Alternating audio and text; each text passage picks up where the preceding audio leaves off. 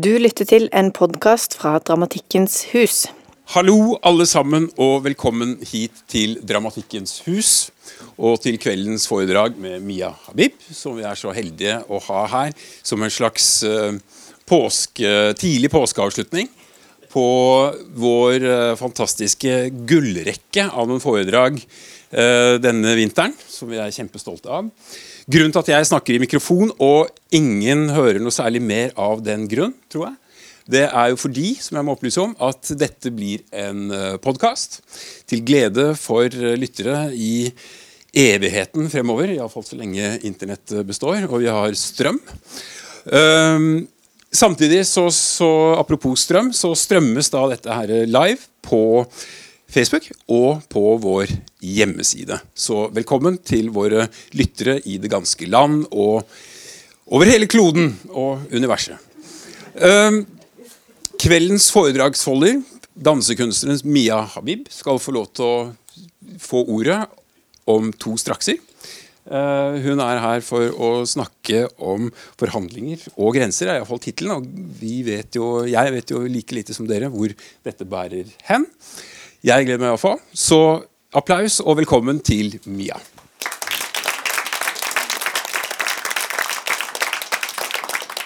Ja, eh, god kveld. Eh, mitt navn er som nevnt Mia Haugland Habib, og jeg er dansekunstner.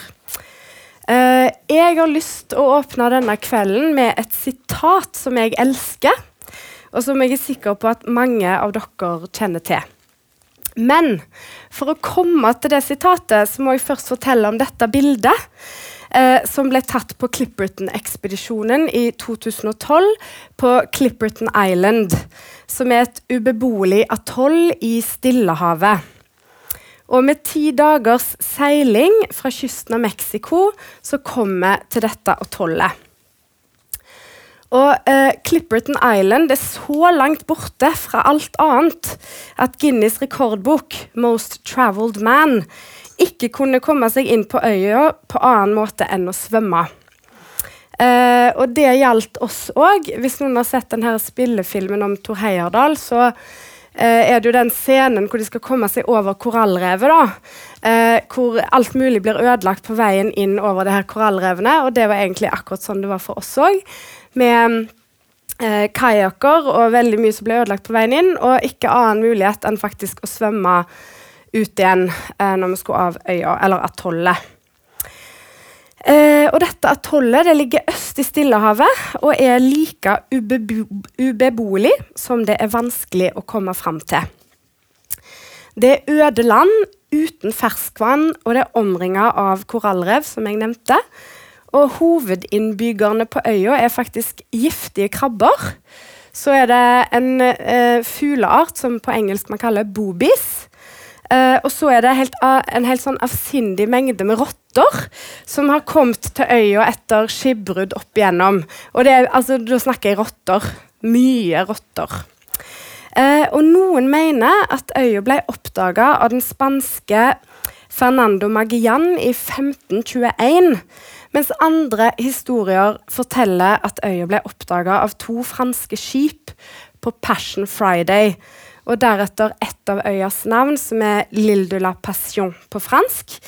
Og at uh, den da ble oppdaga på Passion Friday 3. april 1711. Så da tror jeg, hvis jeg regner riktig, at i morgen så er det da 308 år siden.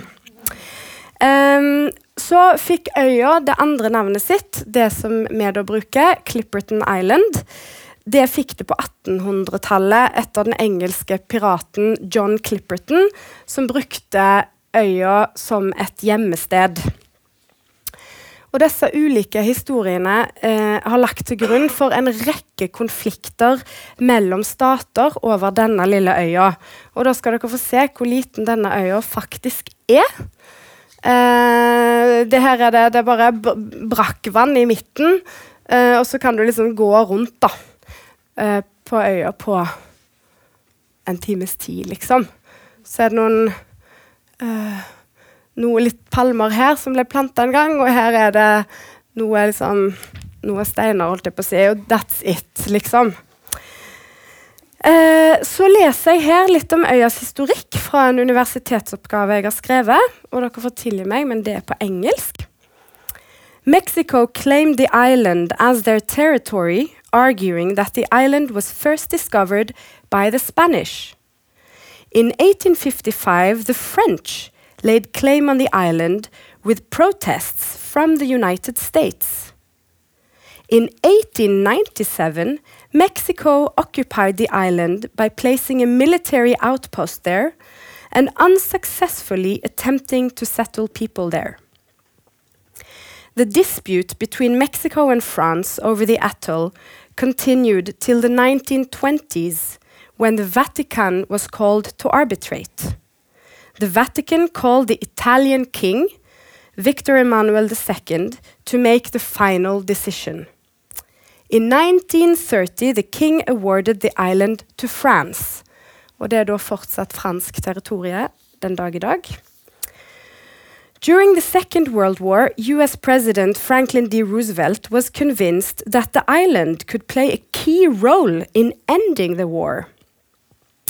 A top secret weather station, codenamed Island X, was situated on the island, and the American president visited the island twice during the war, authorizing an airfield and a seaplane base. Jeg mener at er der.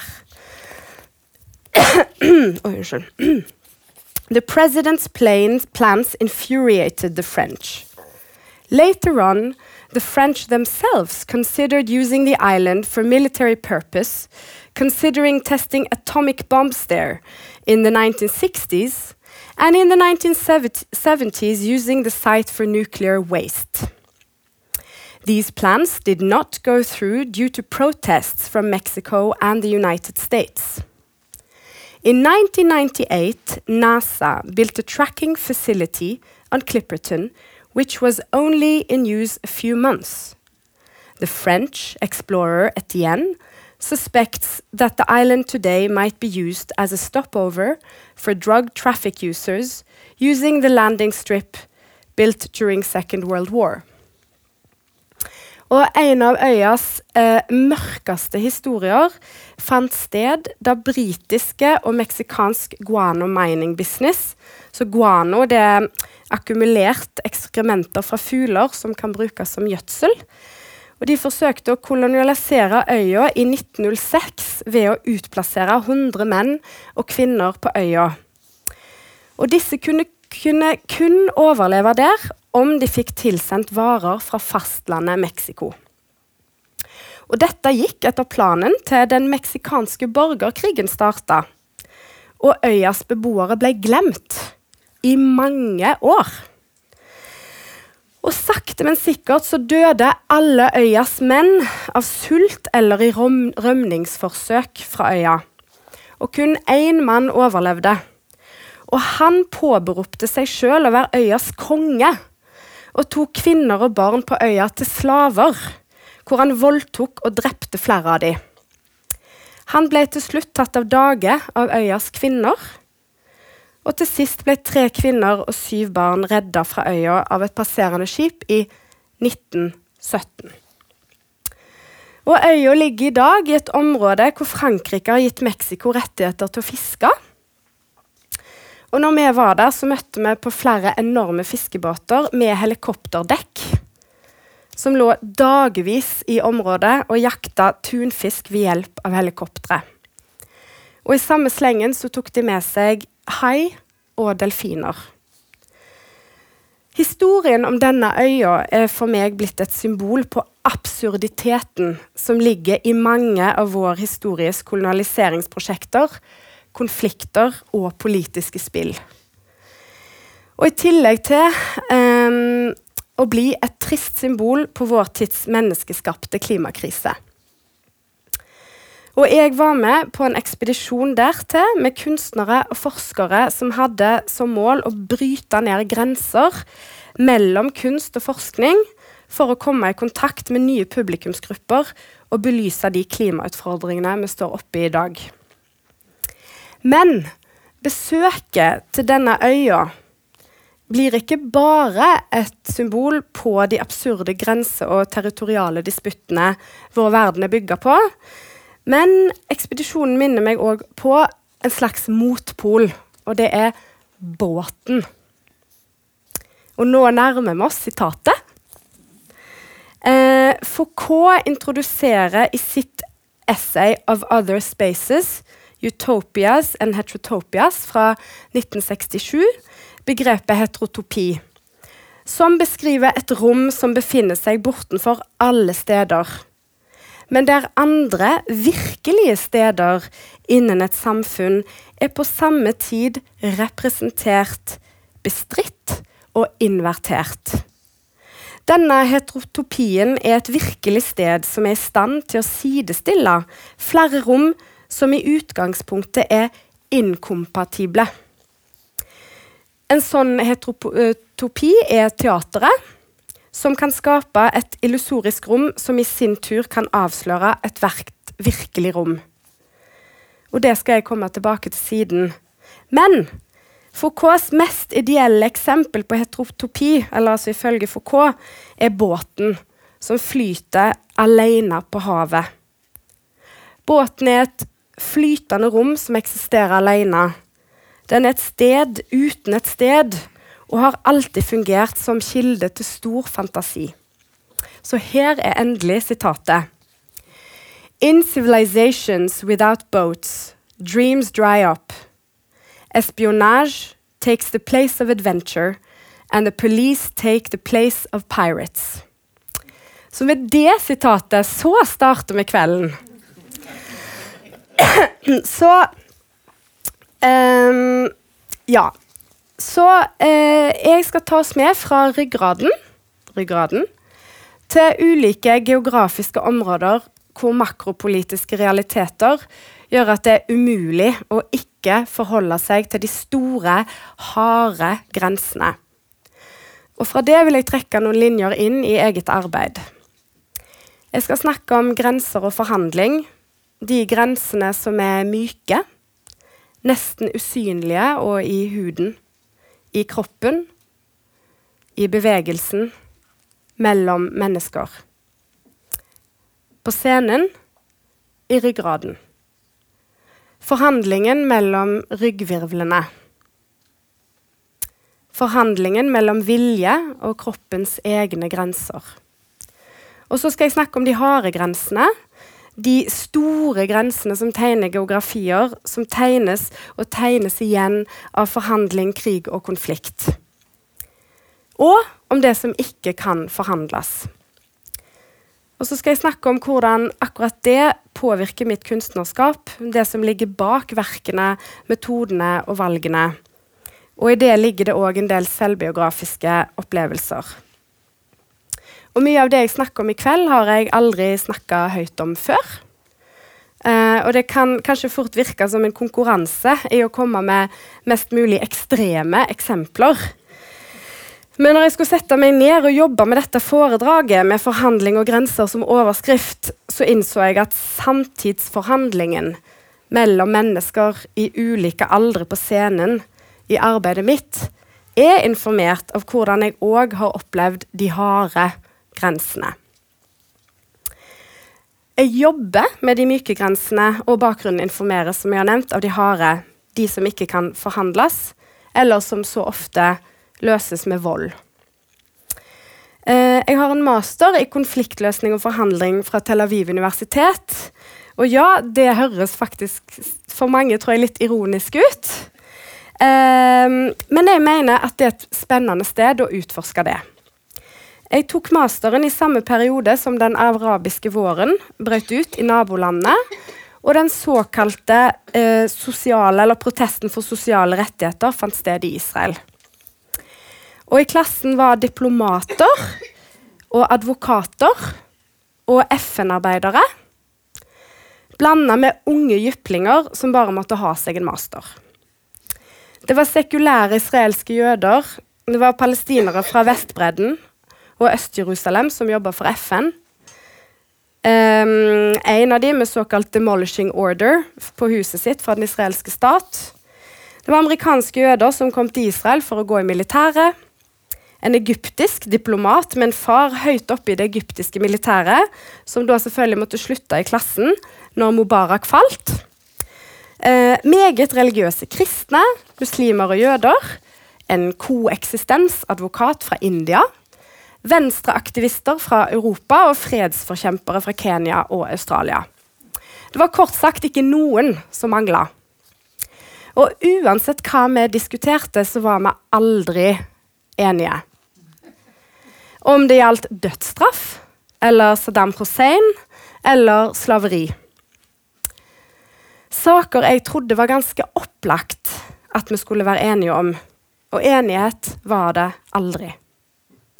I det rommet skulle vi sitte sammen i ett år. Palestineren som måtte gjennom en checkpoint hver morgen, ved siden av en som noen måneder tidligere var soldat i nabolaget hans. Enige ble vi aldri. Men vi eksisterte sammen. Vi koeksisterte. I et rom hvor en usynlig forhandling kontinuerlig pågikk. Hva kan man si på hvilken måte, sånn at det fortsatt er levelig å eksistere sammen hver dag det neste året? Og hvor langt kan en diskusjon gå? Hvordan bygger vi vennskap og jobber sammen i grupper og fester sammen, mens man samtidig vet at de ideologiske standpunktene i noen tilfeller er så langt fra hverandre som man kan komme. Og Det var nok den største lærdommen fra masteren i konfliktløsning og forhandling. Lærdommen om hvordan man koeksisterer i et lite klasserom med så store ulikheter, og den forhandlingen ble det aldri snakka høyt om. Men når jeg så skal eh, nevne hva jeg ytterligere lærte uh, av masteren, så er det på sett og vis lite jeg lærte fra tidligere sjefsforhandlere i verdens heftigste konflikt. Det jeg lærte, var at dansekunstnere i sin forhandling med egen kropp, med kropper i rom, med ulike rom, kontekster, publikum osv har mye å lære til alle disse sjefsforhandlerne. Hadde de det er det jeg mener jeg skal si nå, jeg kan være dere uenige, men hadde de hatt våre redskaper, så mener jeg at verden hadde sett annerledes ut. Uten tvil. Og ikke minst hadde de hatt øvelsen av å måtte med sin egen kropp sette den inn i ulike realiteter, som å leve med de i flyktningleiren, som å henge over grensegjerdet, så hadde de òg gått inn i makropolitikken på en annen måte. Og ved å si dette så sier jeg vel på mange måter at kanskje jeg egentlig ville blitt den perfekte forhandler. Og det tror jeg faktisk at jeg ville. Eh, og kanskje òg den perfekte spion. Men så er det det.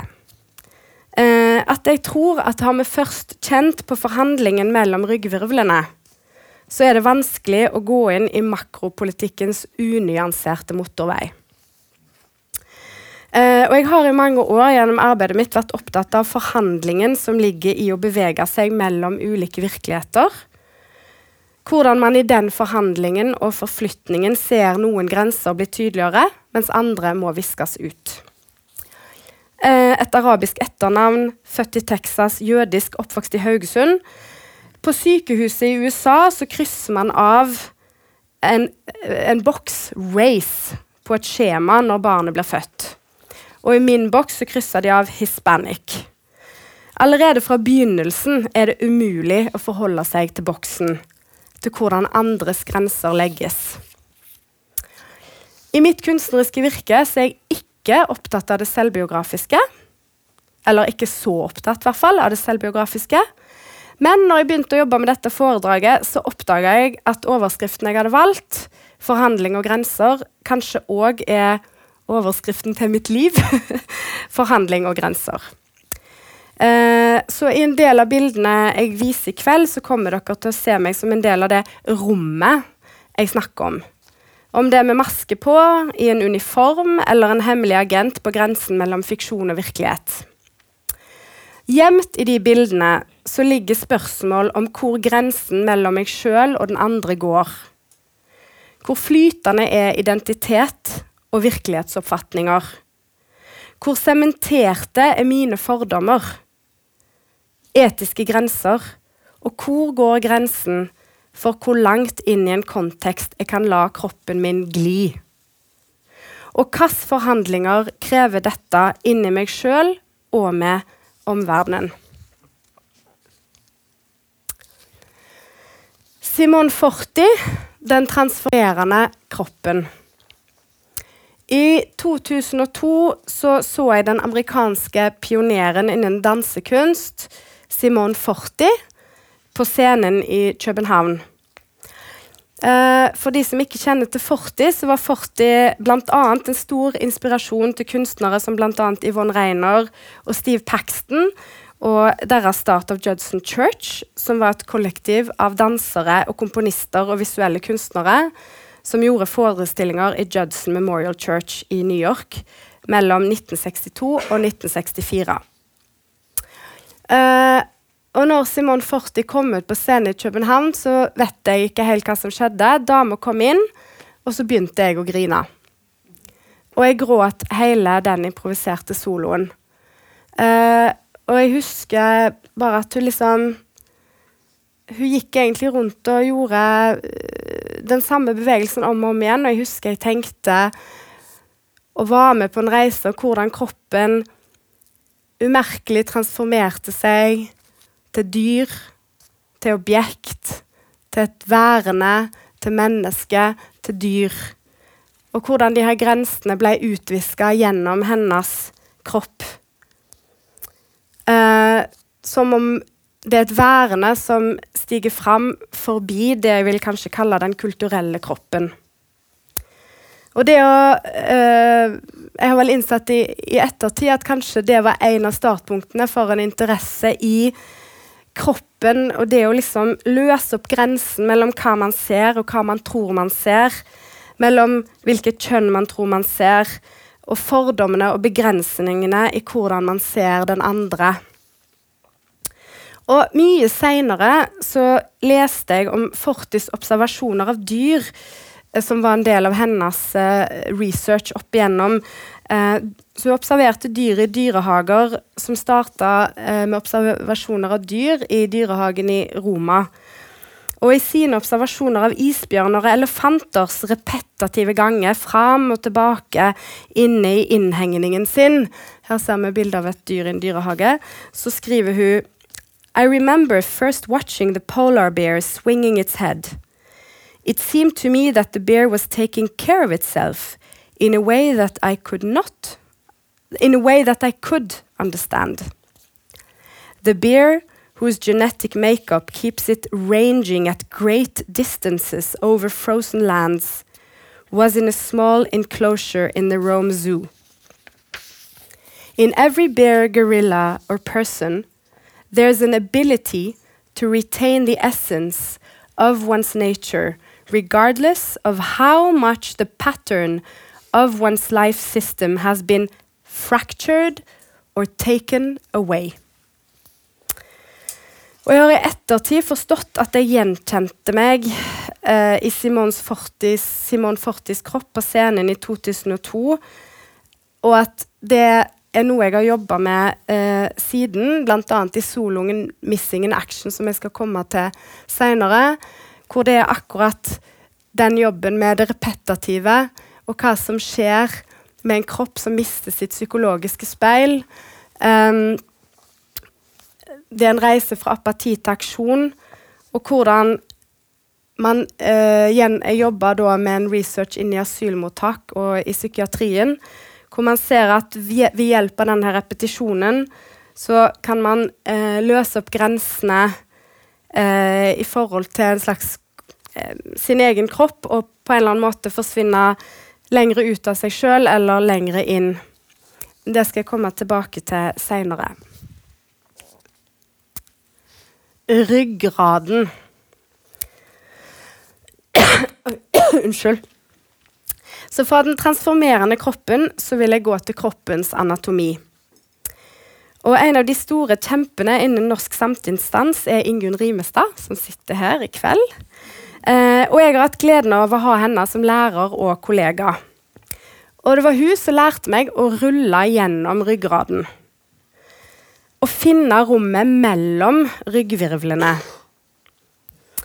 Og Rimestad arbeider med en dyp lytting til kroppen og dens anatomi. Og dette arbeidet krever at man går inn i det på nytt hver gang og møter kroppen der han er i øyeblikket. Det er en samtidsforhandling mellom den kunnskapen man allerede har om egen kropp, det stedet kroppen befinner seg i i det øyeblikket, og den lyttingen som kreves for å åpne nye rom som man ikke tidligere har funnet i sin egen kropp. Så det handler òg på mange måter å forhandle vilje med lytting. Eh, og det å få være Rimestad sin elev har gitt meg mange redskaper, og et av de viktigste evnene til å lytte. Til å lytte til det som faktisk er der, og ikke til det man ønsker skal være der. Og dette er noe jeg har tatt med meg videre inn i eget arbeid, i hvordan å forhandle kroppen sin i et rom med andre, både i kunstneriske, sosiale og politiske rom. Og I mitt kunstneriske arbeid så kommer nok dette tydeligst fram i verkene A Song to for 16 profesjonelle dansere og 30-50 amatører, og i et stykke som kom ut av det igjen, som heter All Physical Poem of Protest. Det skal jeg komme tilbake til. Fra ryggvirvlene til makrogrensene. Eh, dere kjenner det kanskje allerede igjen. Det er, har vært mye i media de siste månedene, men dette er da grensegjerdet mellom Mexico og USA. Vi her er vi på meksikansk side. Og vi befinner oss um, på grensen da, mellom en by som heter Mexicali, og som da er naboby kan du si, med Calexico, som ligger på andre siden. Um, jeg skal ikke si så mye om gjerdet, for jeg tror at de fleste allerede vet kanskje mer om det gjerdet enn de gjorde for et år siden. Um, men det er jo mye aktivitet med dette gjerdet her. Og um, når vi var der, så, så, var det et par ting uh, vi observerte, og det var blant annet vi var der, Dette er fra 2009, hvor jeg var her med en trio som heter Ween Sist, som da er med Rani Nair, Jassem Hindi og meg sjøl. Uh, eh, og én ting er noe som de kaller for hopperne. Um, og det er faktisk folk som driver og hopper. De hopper og hopper over gjerdet altså hele tida. Det var sånn Jeg trodde de tulla, men du, du står der i noen minutter, og så det, ser du bare masse folk som driver og hopper. og det vi lærte, er faktisk at det er noen som eh, du kan betale, og så hopper de som at de på en måte driver og finter grensepolitiet. Og så, altså Noen driver og øver seg på å hoppe, men andre er også liksom profesjonelle hoppere. da. Og så hopper de og finter og finter, og så er det de som da betaler de for det at de hopper og prøver å komme inn. Og, og jeg, jeg, vet ikke hvordan den aktiviteten er nå, men det var i hvert fall det som det var mye av eh, når vi var der. Uh, og i tillegg uh, så har man uh, der vi jobber, er på en måte i byen. Så man har nabolag som går helt fram til gjerdet. Og dette er jo da fattige nabolag som er vanlige familier og, og, barn. Så man hopper ned, man har nabolaget, og så har man selvfølgelig smuglerne. Eh, som smugler litt av hvert, som har sine rutiner. Eh, og så har man politiet, som på meksikansk side jeg tror er ganske fraværende. I hvert fall så var det en tydelig melding. Politiet stoler man ikke på.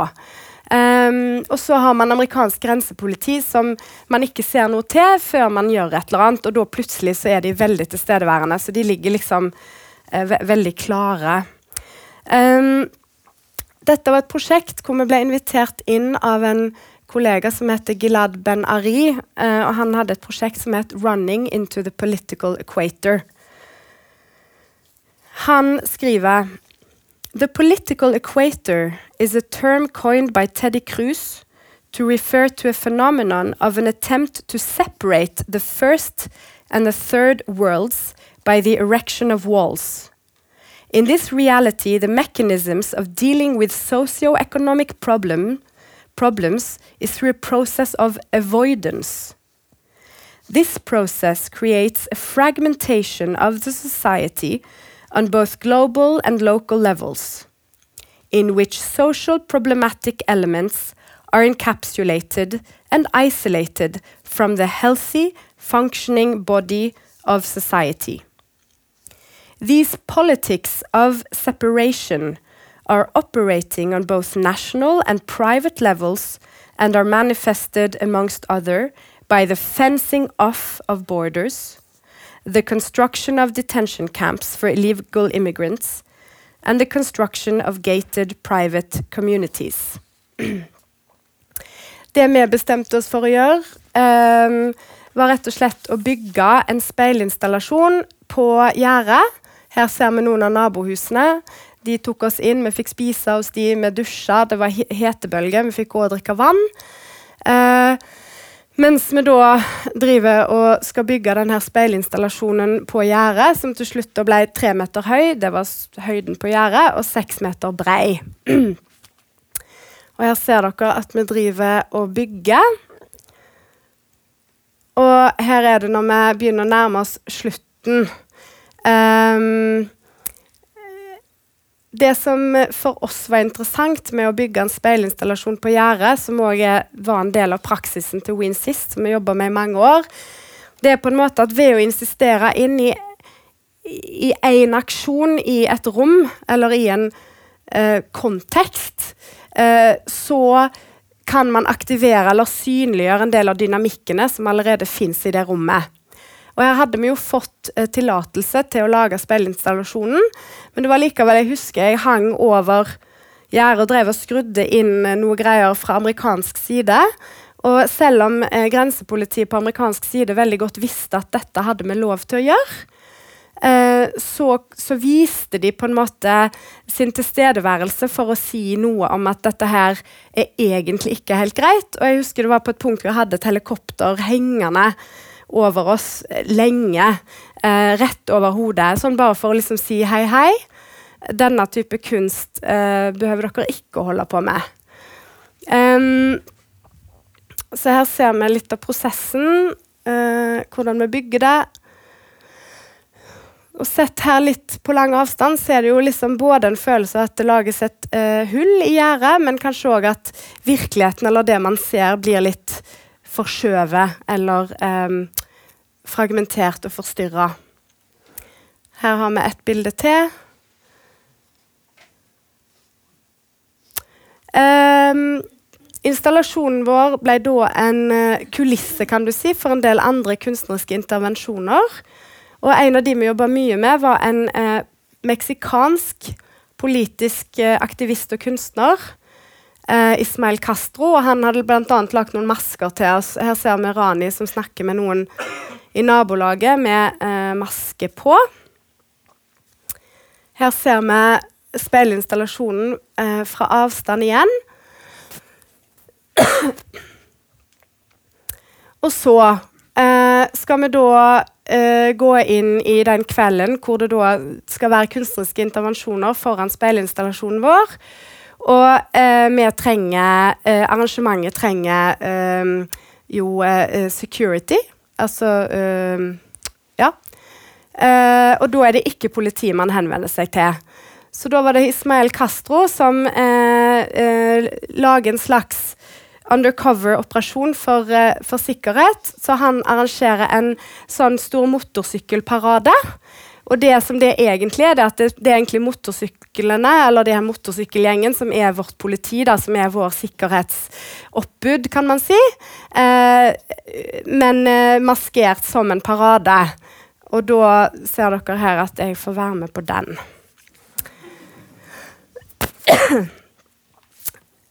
Dette er Ellopon. Eh, dette er ett av verkene til Ismael Castro, den her politiske kunstneren og aktivisten fra Mexicali som vi jobber med. Ellopon er um, Nå blir jeg litt nervøs, for jeg er ikke så god på spansk. Så ser jeg på de som kan spansk i rommet, men Guardian del camino, señor de las fronteras.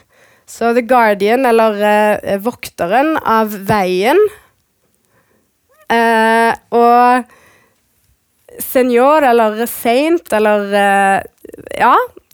av fronteras, altså av grensene. Så det var rett og slett en border saint som han da har lagd, som ikke fins. Og som dere sikkert kjenner til, så står katolisismen sterkt i Mexico, hvor man jo ber til ulike saints, avhengig av hva, hva det er man, man uh, gjør i livet, eller hva det er man, man trenger styrke til. Um, så han uh, har da på ulike måter uh, fått denne sainten til liksom å infiltrere lokalmiljøet i Mexicali en, til en sånn grad at faktisk er det mange som ikke vet at han er et kunstprosjekt. Og det fins ulike eh, altere hvor man òg ser eh, han som står med, og man ber til han før man skal hoppe over gjerdet, og man ber til han når familien eh, skal krysse, og eh, han er med for eh, traktorsjåfører som kjører over grensa, og han bringer hell og lykke. Eh, og han har blitt en del av den muntlige tradisjonen i eh, Mexicali. Og eh, han var jo òg selvfølgelig med oss når vi jobba der. Nå flytter vi oss inn i Irak 2005. Overskriften min her er 'Å miste seg sjøl når den andre blir tredimensjonal'. Uh, dette her er da i 2005, under den amerikanske invasjonen av Irak, hvor jeg er med i et kunstnerisk prosjekt eh, initiert av en kunstner som heter Petter Goldstein. Eh, hvor vi jobber med et prosjekt som hadde premiere på Blackbox, som heter The Bag Show. Eh, og det er da Baran Kurd, Petter Goldstein og meg sjøl. Og som en del av vår research så drar vi da til Kurdistan eh, og er både i, øst, altså i Kurdistan både i Øst-Tyrkia og da inn i Irak. Her står vi på grensen til Irak og dette her er jo da under en embargo av Irak, så Altså, jeg tror det var 47 varmegrader. Det er helt vanvittig varmt. Og her ser dere jo eh, de vanvittig lange køene. Eh, og dette her er jo da lastebiler som kan stå i dagevis. Og det er ingen aircondition. Det er varmt vann. Det er helt eh, vanvittige eh, forhold, rett og slett. Her er det òg barn. Vi beveger oss inn i Irak, og eh, vi beveger oss eh, inn i PKK-geriljaen, som kanskje noen av dere har hørt om, som da er Kurdistans arbeiderparti. Eh, som er en militær og politisk organisasjon blant kurdere i Tyrkia, med røtter i den marxist-leninistiske studentbevegelsen i Ankara i 1970-årene. Og organisasjonen ble oppretta i 1978 under ledelse av Abdullah Öcalan eh, i byen Diyarbakir, som er Øst-Tyrkia. Og Öcalan, som dere sikkert vet, har sittet nå i veldig mange år eh, fengsla på en øy i Tyrkia.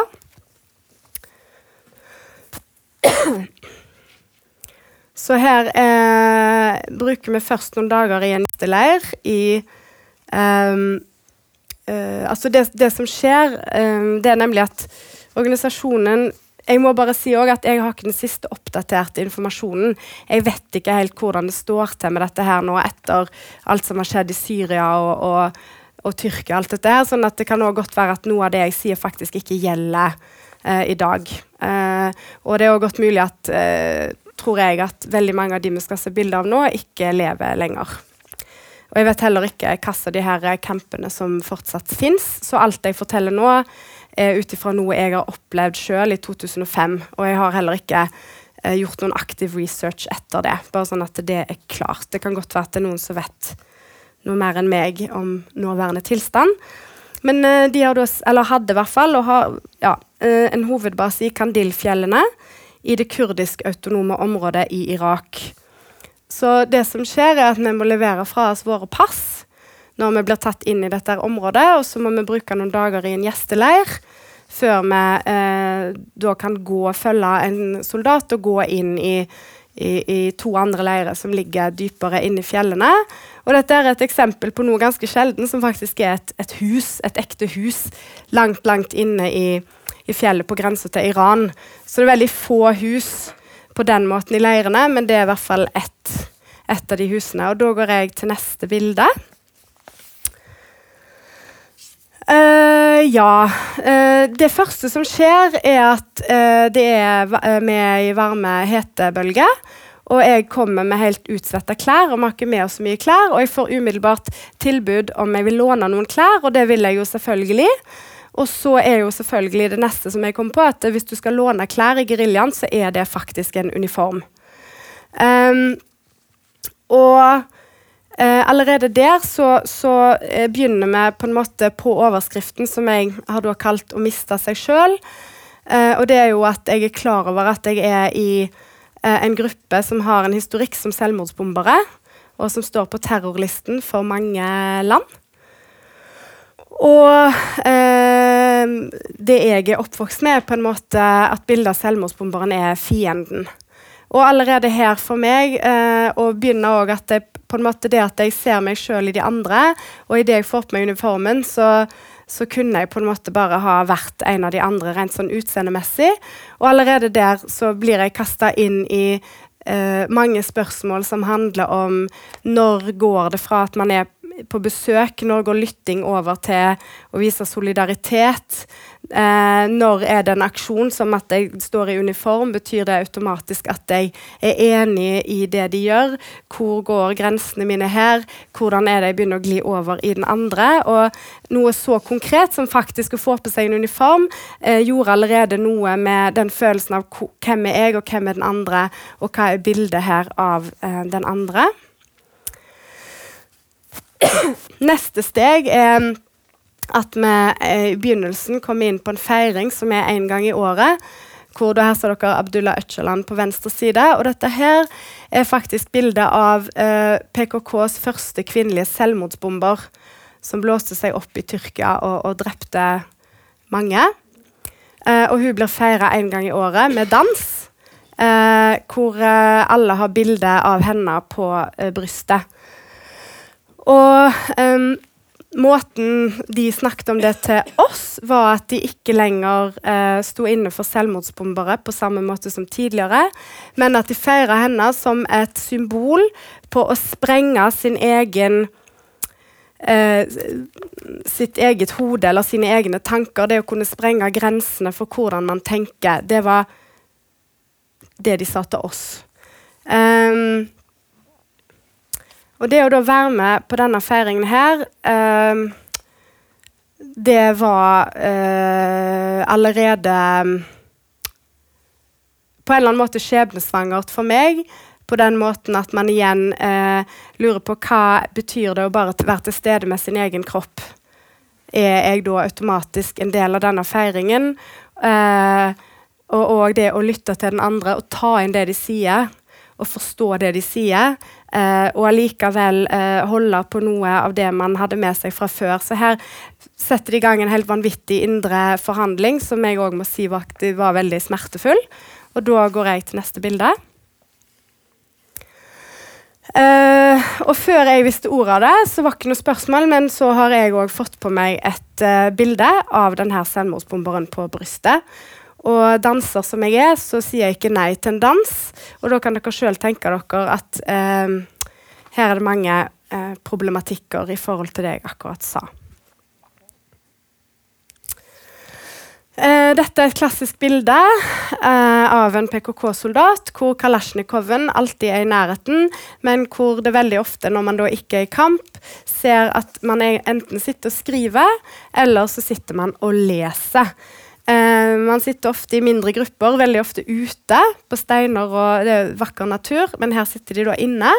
Og man sitter og leser. Og jeg ble veldig fascinert eh, over den litteraturen som var der. Det var Nietzsche, det var økologisk feminisme, det var Simone de Beauvoir. Det var liksom ikke grenser for hva som ble eh, lest. Her ser vi litt av biblioteket. Eh, økologi. Kurdish Love av Abdullah Öcalan. Her har vi Sigmund Freud. Her har vi The Shah and I, The Confidential Diary av Irans Royal Court. Poems by Ab Abdullah Pashev. Cosmetic Fashions and the Exploitation of Women.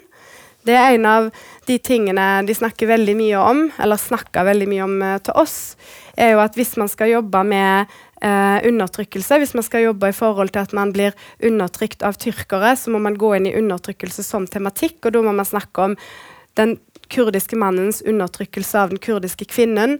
Da må man snakke om den orientale mannens eh, De sa orientale, det var det ordet de brukte, av den orientale kvinnen. Og så sa de og den vest, undertrykkelse av den vestlige kvinnen.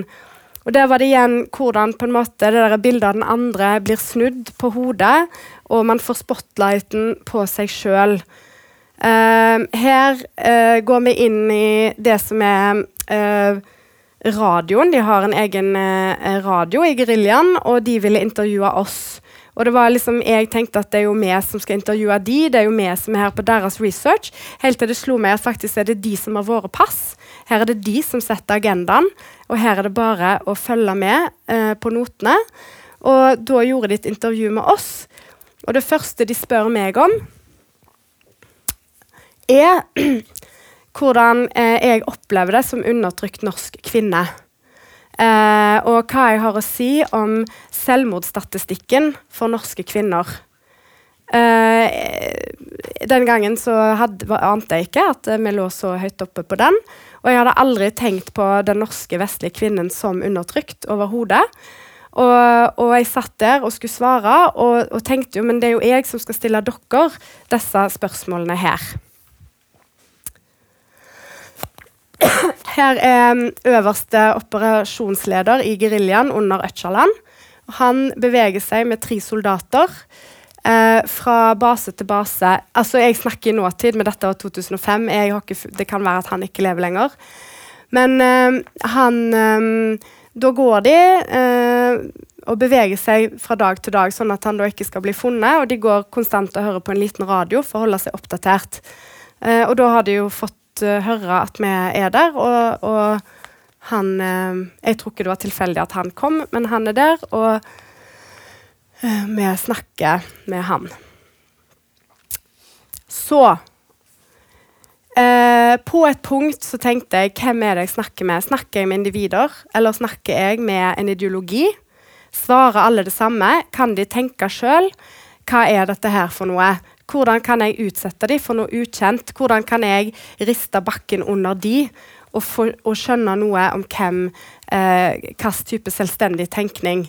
De har passet mitt, jeg har ikke så mye jeg skulle sagt. Hva kan jeg gjøre? Jo, jeg kan vise en danseforestilling. Jeg kan vise soloen min, 'Missing in Action'. De her menneskene har gitt opp alt av um, vanlig liv. De kan ikke dra ut av geriljaen. Og jeg vil tro at de ikke ser så mye samtidskunst i den geriljaen. Så jeg tenker at Hvis jeg nå gjør en forestilling, og så har jeg umiddelbart en publikumssamtale rett etterpå, så de ikke rekker å snakke sammen, så utsetter jeg de for noe ukjent. Og så må de respondere på det individuelt. Da tenkte jeg, da skal jeg finne ut hvor selvstendig de egentlig tenker. Um, så viser jeg uh, 'Missing in Action' uh, ute. Dette her er tatt fra Norge, for så vidt. Jeg har ikke med meg sko. Jeg danser i geriljasko. Og som jeg nevnte, så er 'Missing in Action' en reise fra apati til aksjon, som avsluttes med et bilde av selvmordsbomberen. Med ideen om hvordan man kan gå fra det todimensjonale bildet av den andre til hvordan bildet av den andre Og da mener jeg at selv, bildet av selvmordsbomberen er um, et, et, godt eksempel på et type todimensjonalt fiendebilde, nesten. da, At selvmordsbomberen det er liksom et flatt ark. Men hva skjer når det, det bildet får en kropp, og det bildet blir tredimensjonalt? Da kan jeg sette min egen kropp inn i den andre. Og når jeg kan plassere en kropp inn i den andre, så kan jeg òg føle og snakke med den andre. Og det er selvfølgelig av og til problematisk, for da begynner grensene å løse seg opp, og da er det ikke så lett å holde på fiendebildet av den andre. Uh, jeg danser Når jeg skal inn i dette her selvmordsbombebildet, så får jeg panikk. For her uh, danser jeg jo faktisk for folk som uh, har en historikk som selvmordsbombere. Og jeg vil for all del ikke at noen skal tro at dette her betyr at jeg heier på selvmordsbombere. Og i dette her så går det liksom et sånt spørsmål men ja, men verket mitt skal jo være åpent for all mulig lesning. Men akkurat i det øyeblikket så tenker jeg nei, verket mitt kan ikke være åpent for all mulig lesning.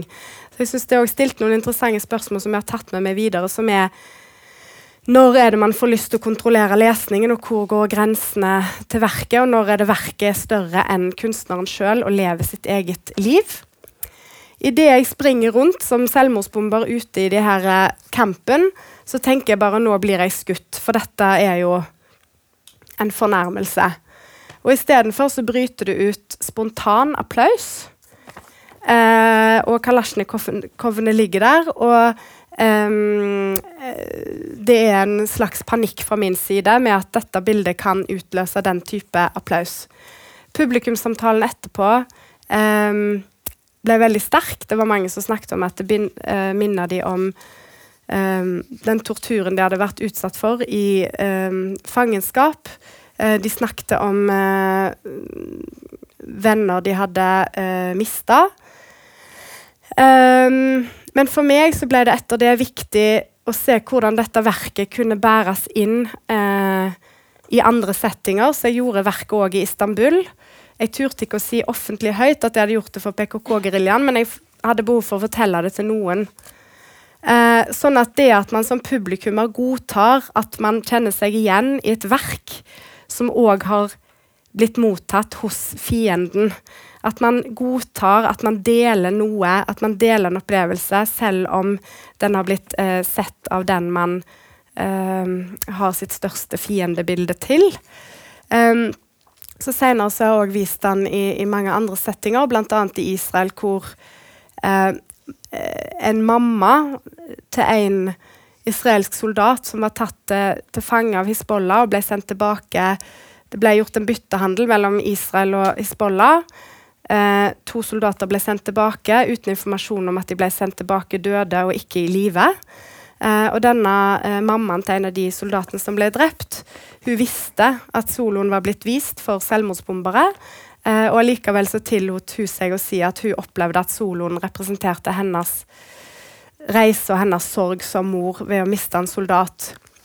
Uh, så det, det, verket der for meg representerer på mange måter òg hvordan et verk kan i seg sjøl være en slags forhandling mellom eh, virkeligheter.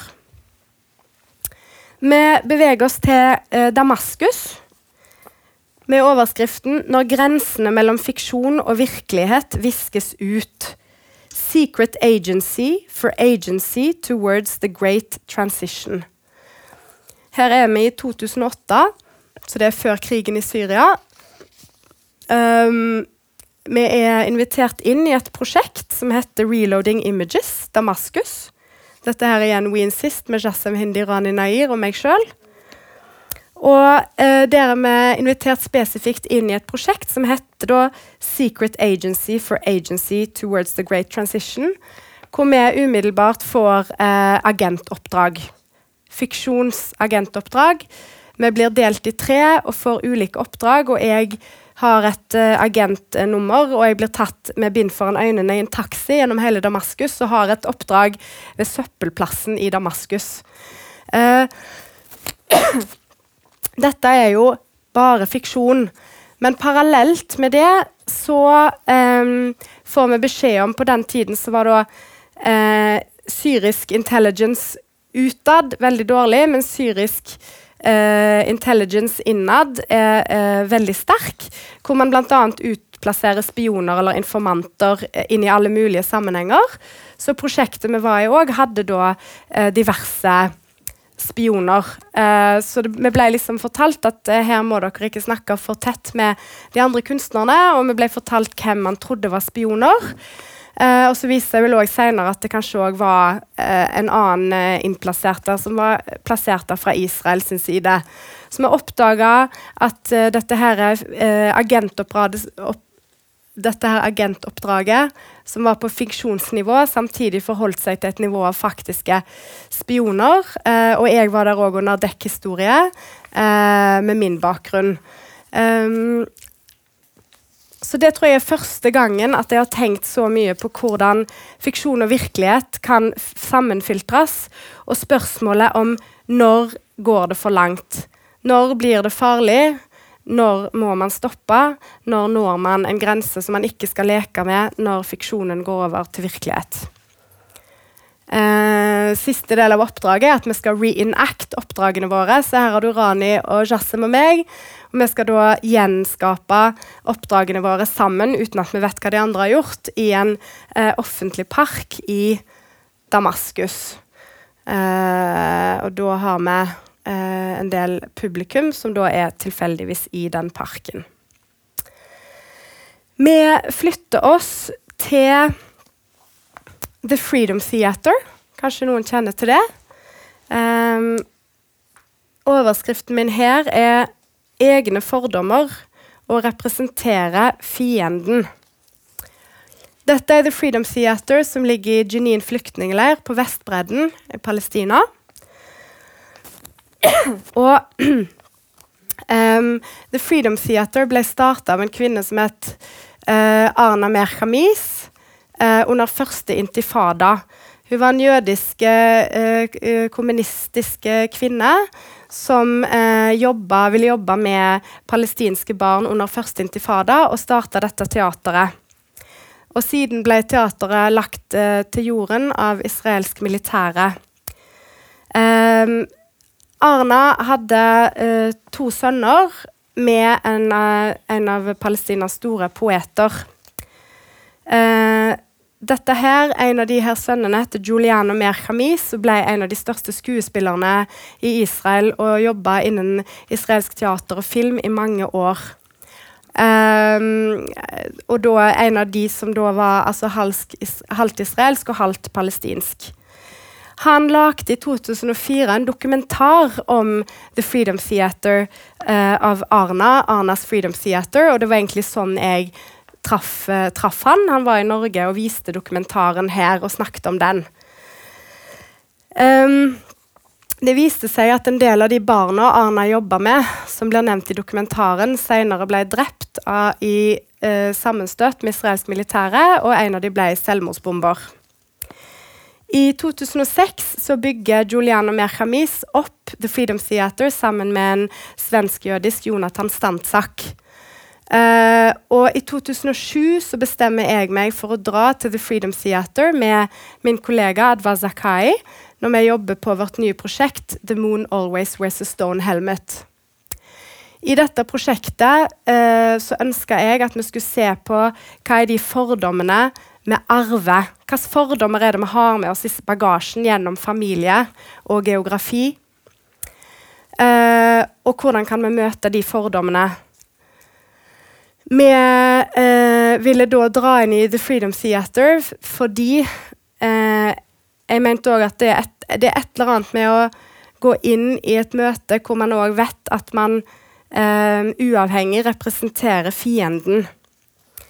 Eh, så i, for, i, forbindelse med det så, så er det jo òg noe med at der man står og forhandler det, det, stedet er aldri nøytralt. Det er helt avhengig av hvilken rolle man kan ta på seg. Det handler om hvilken bakgrunn man har, hvem man er. Det er ikke et nøytralt sted. Um, vi drar inn og jobber med barn med posttraumatisk stress for å komme inn til The Freedom Theater.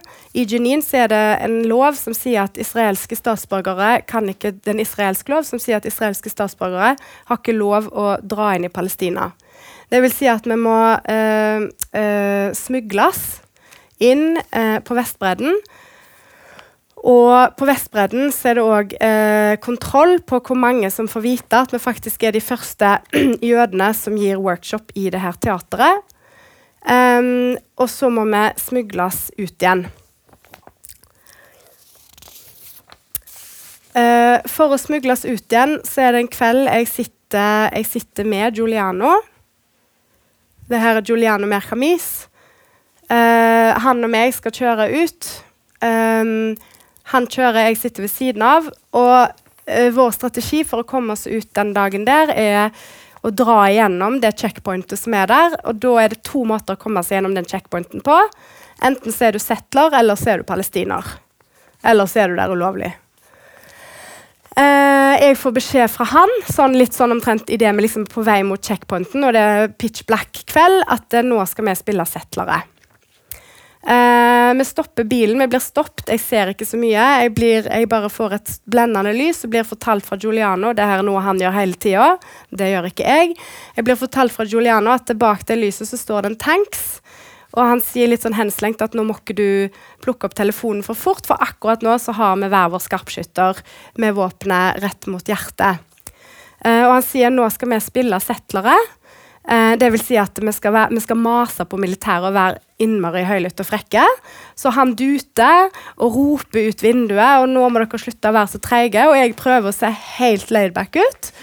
Og da orker de ikke å sjekke oss, for det, det var litt slitsomt med de her settlerne. Så de, da kjører vi Eh, og, og, og, drar til Tel Aviv. Um, mange år seinere så sitter jeg altså, Eller fire år seinere så sitter jeg i klassen i Tel Aviv, i klasserommet, eh, i timen til den kjente israelske journalisten Avi Zarachov, som jobber for Haaretz, spesielt på Hizbollah-saker eh, Hizbollah og Vestbreddesaker.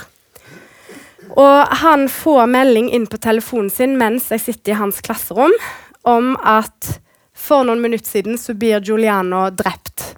Han blir skutt utenfor sitt eget teater. Uh, og den dag i dag så er det ingen som vet hvem som har skutt han, om det er fra uh, palestinsk eller israelsk side.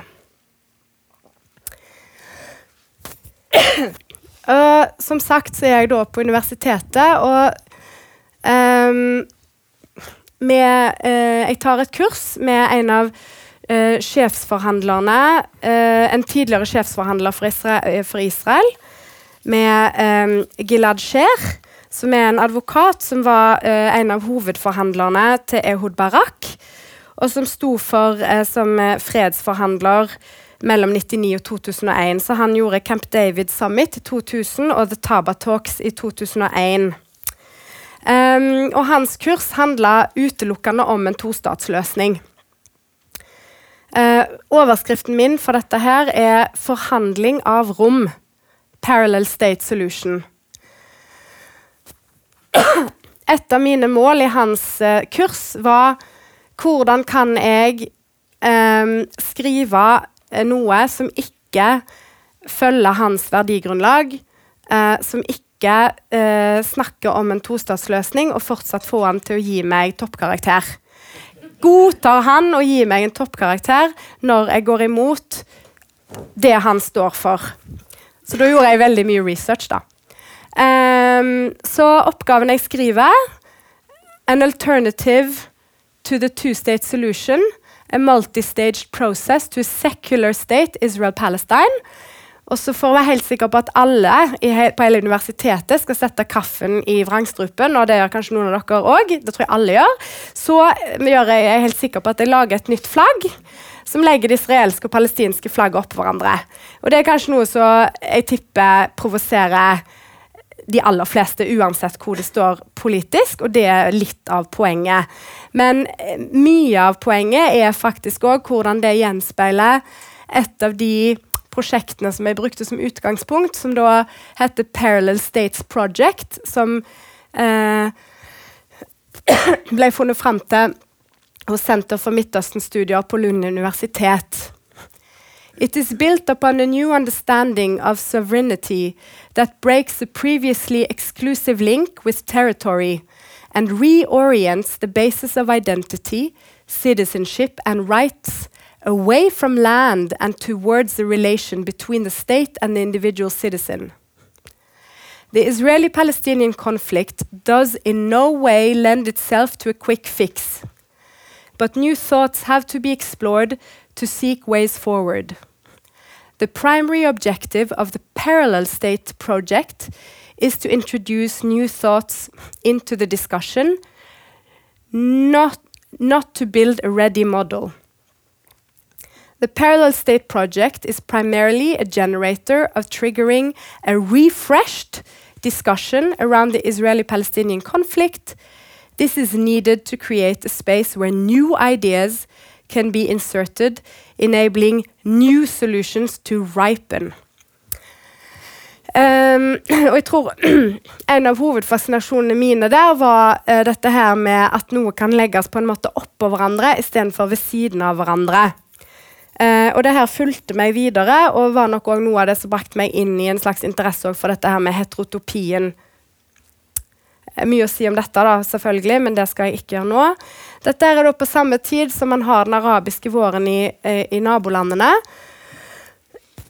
Og jeg husker veldig godt den dagen når det var pro-palestinske uh, protester med mennesker som bare måkte over grensa fra Syria inn i Israel, og hvor det faktisk var en eh, som klarte å komme seg helt til Jaffa, som ligger ved siden av Tel Aviv, og tok seg akkurat ta seg en kopp kaffe i Jaffa før han ble tatt.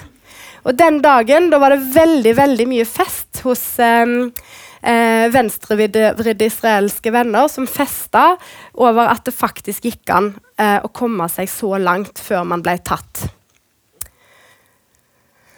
Og um, samtidig som dere selvfølgelig kjenner igjen, så er det Tahrir Square i Egypt.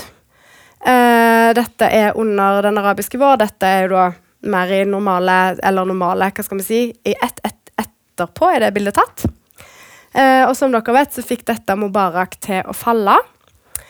Uh, og det er nok òg Nå snakker jeg ut ifra det at jeg opplevde dette fra Israel, da, så var det òg interessant at det var første gang, og kanskje eneste gang i israelsk historie, at man åpenlyst har latt seg positivt vise at man er positivt inspirert av den arabiske verden. Så ut ifra det som skjer i nabolandene, så starter det som heter den såkalte eh, sosiale protestene i Israel, eller eh, social justice-protestene. Eh, hvor folk flytter ut på gatene, og dette er fra Rothschild, Rothschild Avenue, som er en av hovedgatene i sentrum, hvor folk flytter, flytter ut eh, i telt på gata, eh, og mye minner oss òg om Occupy Wall Street. Mm. Det som er interessant med dette bildet, det er det teltet jeg hadde mest med å gjøre. Her står det Rothschild Pinat Tahrir, som betyr Rothschild, som da er gata de er i, hjørnet av Tahrir. Her skriver man altså midt i byen at dette er et hjørne av Tahrir Square i Egypt.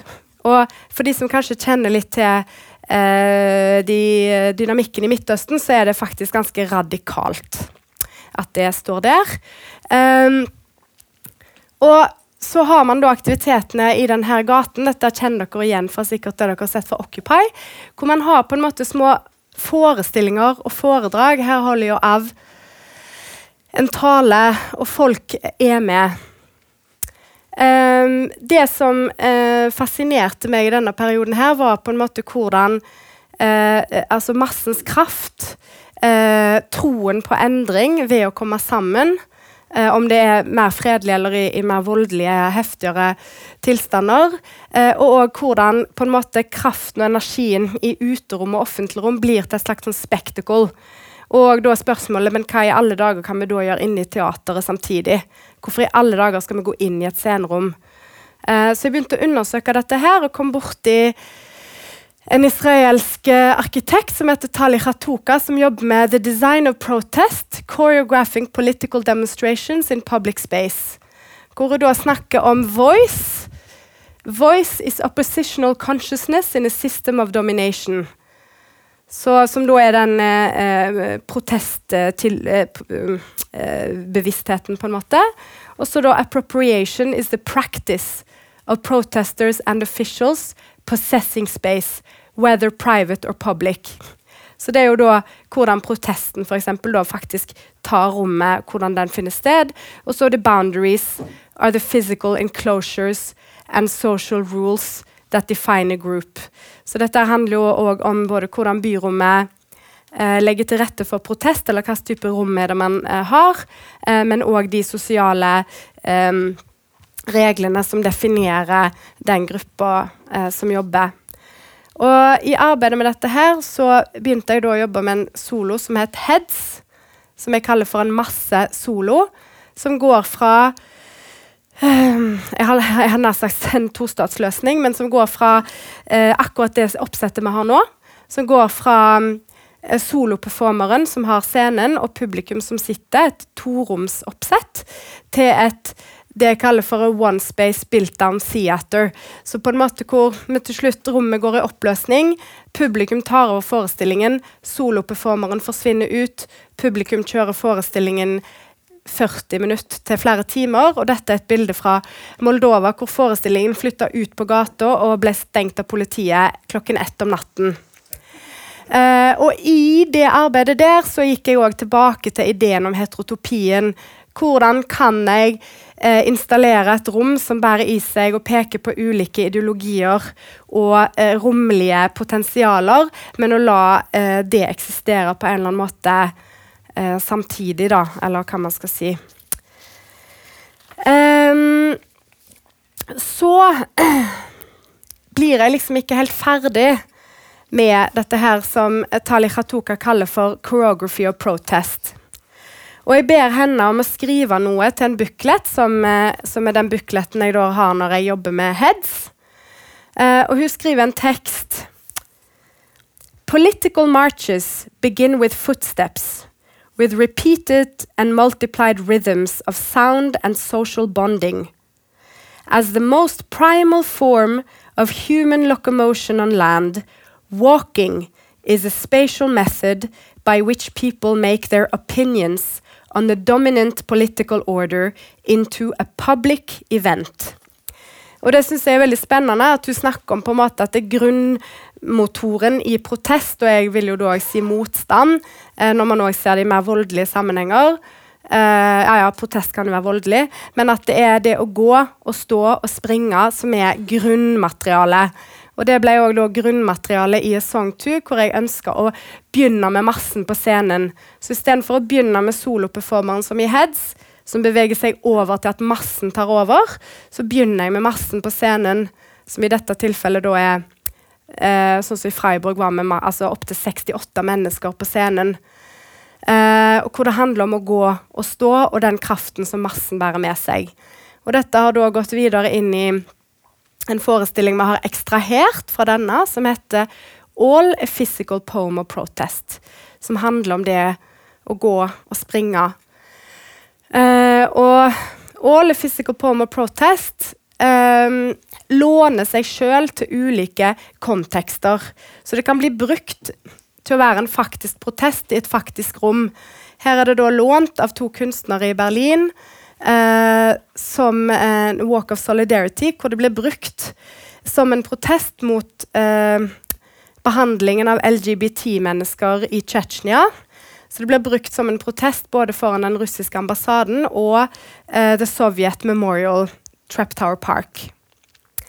Um, og her ser vi det samme skåret i en helt annen sammenheng. Her er det tatt bilde ovenfra på i operaen eh, Erstatteater i Freiburg. Eh, så her syns jeg òg det er veldig interessant å se eh, hvordan eh, både vår lesning som publikum, men hvordan stykket sjøl òg forhandler ulikt med ulike rom, og blir lest ulikt eh, i ulike rom. Fra de her store så skal vi gå inn til siste eksempel for i kveld. Um, og det er uh, et prosjekt jeg har jobba med nå de to siste årene, med Jassam Hindi, som heter 'Stranger Within'. Hvor vi uh, har reist i Nord-Norge i en campingbil og gjort forestilling hjemme hos folk i bytte mot en middag. Uh, vi jobber med dette her med å se på forholdet mellom gjest og vert. og en slags form for radikal gjestfrihet. men det er òg noe med hvilke grenser som viskes ut når man kommer inn i et hus og gjør noe performativt. Grensene mellom publikum og performer. Når er det publikummeren plutselig blir en deltaker? Hvor går de grensene der? Det er for så vidt òg ting som blir behandla i heads. Men òg hvordan det å riste litt i husets satte grenser, på en måte. um, hvordan å riste litt i det, da sette i gang samtaler under middagen som handler om makropolitiske ting, som handler om eh, Det kan handle om undertrykkelseshistorien av minoriteter oppe i Nord-Norge. Det kan gå på grenseproblematikken. Vi var oppe i Kirkenes. Grenseproblematikken til Russland, eh, forholdet til andre verdenskrig, og ikke minst eh, i forhold til både Russland og eh, de traumene som har satt seg oppe i Nord-Norge på en helt annen måte enn en her nede i sør, er det ikke det de sier? ja? Um, her har vi da et, eh, et, eksempel. Vi har forestilling i Kautokeino. Uh, og et eksempel på uh, en som bor i huset, som er en publikummer, men som òg blir en deltaker. Uh, hvordan på en måte dette her glir inn i hverandre. Og siste bilde, hvor dette her da liksom òg Hva er forestilling? Hva er en sosial sammenkomst her holder vi på, og her er det òg middag som er i gang. Og med det så har jeg lyst til å avslutte med et sitat som liksom drar oss igjen tilbake til teateret. Det er et sitat som jeg vet at mange av dere har hørt før, men jeg klarer ikke å holde meg. Jeg må liksom si det om og om igjen. Um, og det er den belgiske dramaturgen uh, Marianne von Kerkhoffen. Vi kan sette i gang med tvilen som vår faste følgesvenn. Bare én visshet tar vi med oss. Dagens teater er i verden og under himmelen. Dets vegger er laget av hud. De har porer. De puster. La oss prøve å ikke glemme det.